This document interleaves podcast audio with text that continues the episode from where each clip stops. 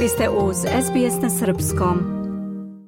Slušate SBS na Srpskom. Da li ste nekada razmišljali kako izgleda živeti i raditi na Antarktiku?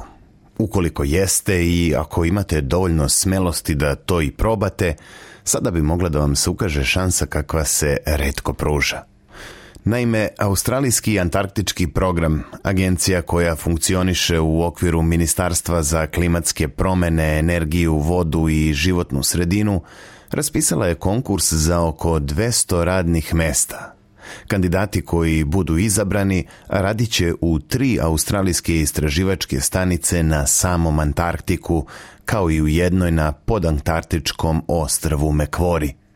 Pozicije su otvorene za financijsku godinu 2024 25 i da biste konkurisali ne treba da budete naučnik.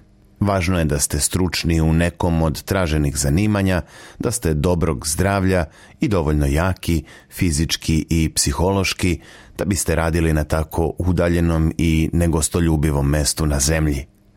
Sigurno se pitate koja su to zanimanja tražena u ovako avanturističkoj ekspediciji. E pa recimo, potrebni su tehničari koji mogu da upravljaju dosipanjem goriva u mnogobrojne male avione, čamce i druge mašine kako bi ove istraživačke stanice uopšte mogle da funkcionišu. Gorivo se obično dostavlja na kopno dugačkim crevima sa tankera koji se nalaze u moru. Zbog okruženja u kojem se ovaj posao obavlja, potrebno je poznavanje upravljanja situacijama značajnih bezbednostnih rizika i rizika po životnu sredinu, navodi se u oglasu Australijskog antarktičkog programa. Pozicije postoje i za kuvare, koje čeka pripremanje hrane u potpuno drugačijim uslovima u odnosu na one na koje su navikli ovde u Australiji. Ova pozicija, pored kuvanja hrane za članove ekspedicije, podrazumeva i naručivanje zaliha i pripremanje keteringa za ekipe koje odlaze u istraživanja dublje u zaleđene predele Antarktika. Potrebni su i električari i operateri uređaja za komunikaciju i lekari kao i vodoinstalateri. Jedan od njih je Sean Gillis. Ovaj vodoinstalater se prijavio za rad na Antarktiku i kaže da ni jednog trenutka nije zažalio zbog toga. Naprotiv, on smatra da je to iskustvo koje čoveku menja život. a kao što atletičar sanja da ode na olimpijske igre, tako i za mene najbolja stvar ili jedna od najboljih stvari koje sam mogao da uradim kao vodoinstalater, da budem vodoinstalater na Antarktiku. Dok ne postave cevi na mesec, mislim da je ovo najdalje i najhladnije gde me moje zanimanje može odvesti, kaže Gillis. A kada budete čuli koliko će zarađivati vodoinstalateri u ovoj misiji, bit će vam jasno da će pored avanturističkog duha biti zadovoljen i njihov bankovni račun. Vodoinstalateri u istraživačkim stanicama zarađuju 145.142 dolara godišnje.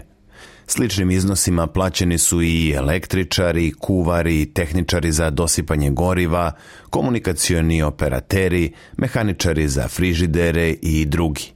Nešto veću godišnju platu ima zemaljsko osoblje na pisti aerodroma Wilkins, oko 160.000 dolara, dok vođe istraživačkih stanica zarađuju 202.603 dolara godišnje.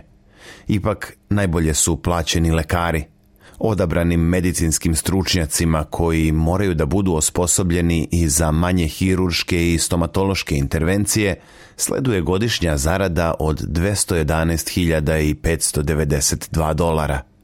Za ovu platu svaki lekar samostalno vodi brigu o jednoj stanici, što može da bude između 15 i 130 ljudi. A u kakvim uslovima se živi i radi na Antarktiku za ABC-ev jutarnji program ABC News Breakfast govorio je David Knopf, operativni menadžer ekspedicija u dublje predele ovog kontinenta. Istina, Nof je govorio o uslovima u delovima Antarktika koji su udaljeni oko 400 km od istraživačkih stanica, a u koje će se ovog leta zaputiti specijalna naučna misija – Nov se inače nedavno vratio u Australiju posle 537 dana neprekidnog boravka u polarnim uslovima. Bićemo izloženi dnevnoj svetlosti svih 24 sata tokom 11 nedelja boravka u ekspediciji, to je veoma zanimljivo, ali čeka nas i jak vetar, a upravo vremenske prilike su najveća nepoznanica i ključni faktor za uspeh naše misije. Kada je loše vreme možete se suočiti s vetrovima od 100 km na sat i temperaturama od minus 15 stepeni uz jak sneg, ali i tokom lepih dana može da bude bez vetra, sunčano i do 5 stepeni Celzijusa. Možda zvuči smešno, ali tokom tih dana zbog pojačanog UV zračenja koža može da izgori ukoliko nemate zaštitu, rekao je David Knopf. U ove izuzetno negostoljubive predele ovog decembra će krenuti 40 očlana ekspedicija – 27 naučnika i 13 drugih članova operativnog tima. Oni imaju zadatak da istraže Denmanov glečer, rekao je vođa misije David nof za ABC. nof kaže da je istraživanje Denmanovog glečera jedna od najambicioznijih misija u posljednjih 20 godina na Antarktiku. Ekspedicija će napraviti satelit kamp na jedinom stenovitom prostoru koji nije pokriven ledom u ovoj oblasti. Tokom boravka tamo, naučni tim će ići do 120 km dublje prema južnom polu, zašto će koristiti male avione i helikoptere.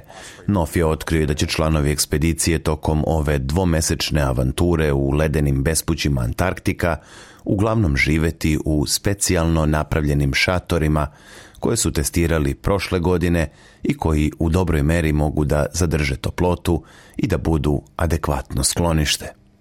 Ukoliko vam se ideja o avanturi na Antarktiku i dalje čini privlačnom – Konkurs za radna mesta otvoren je do 18. decembra u ponoć.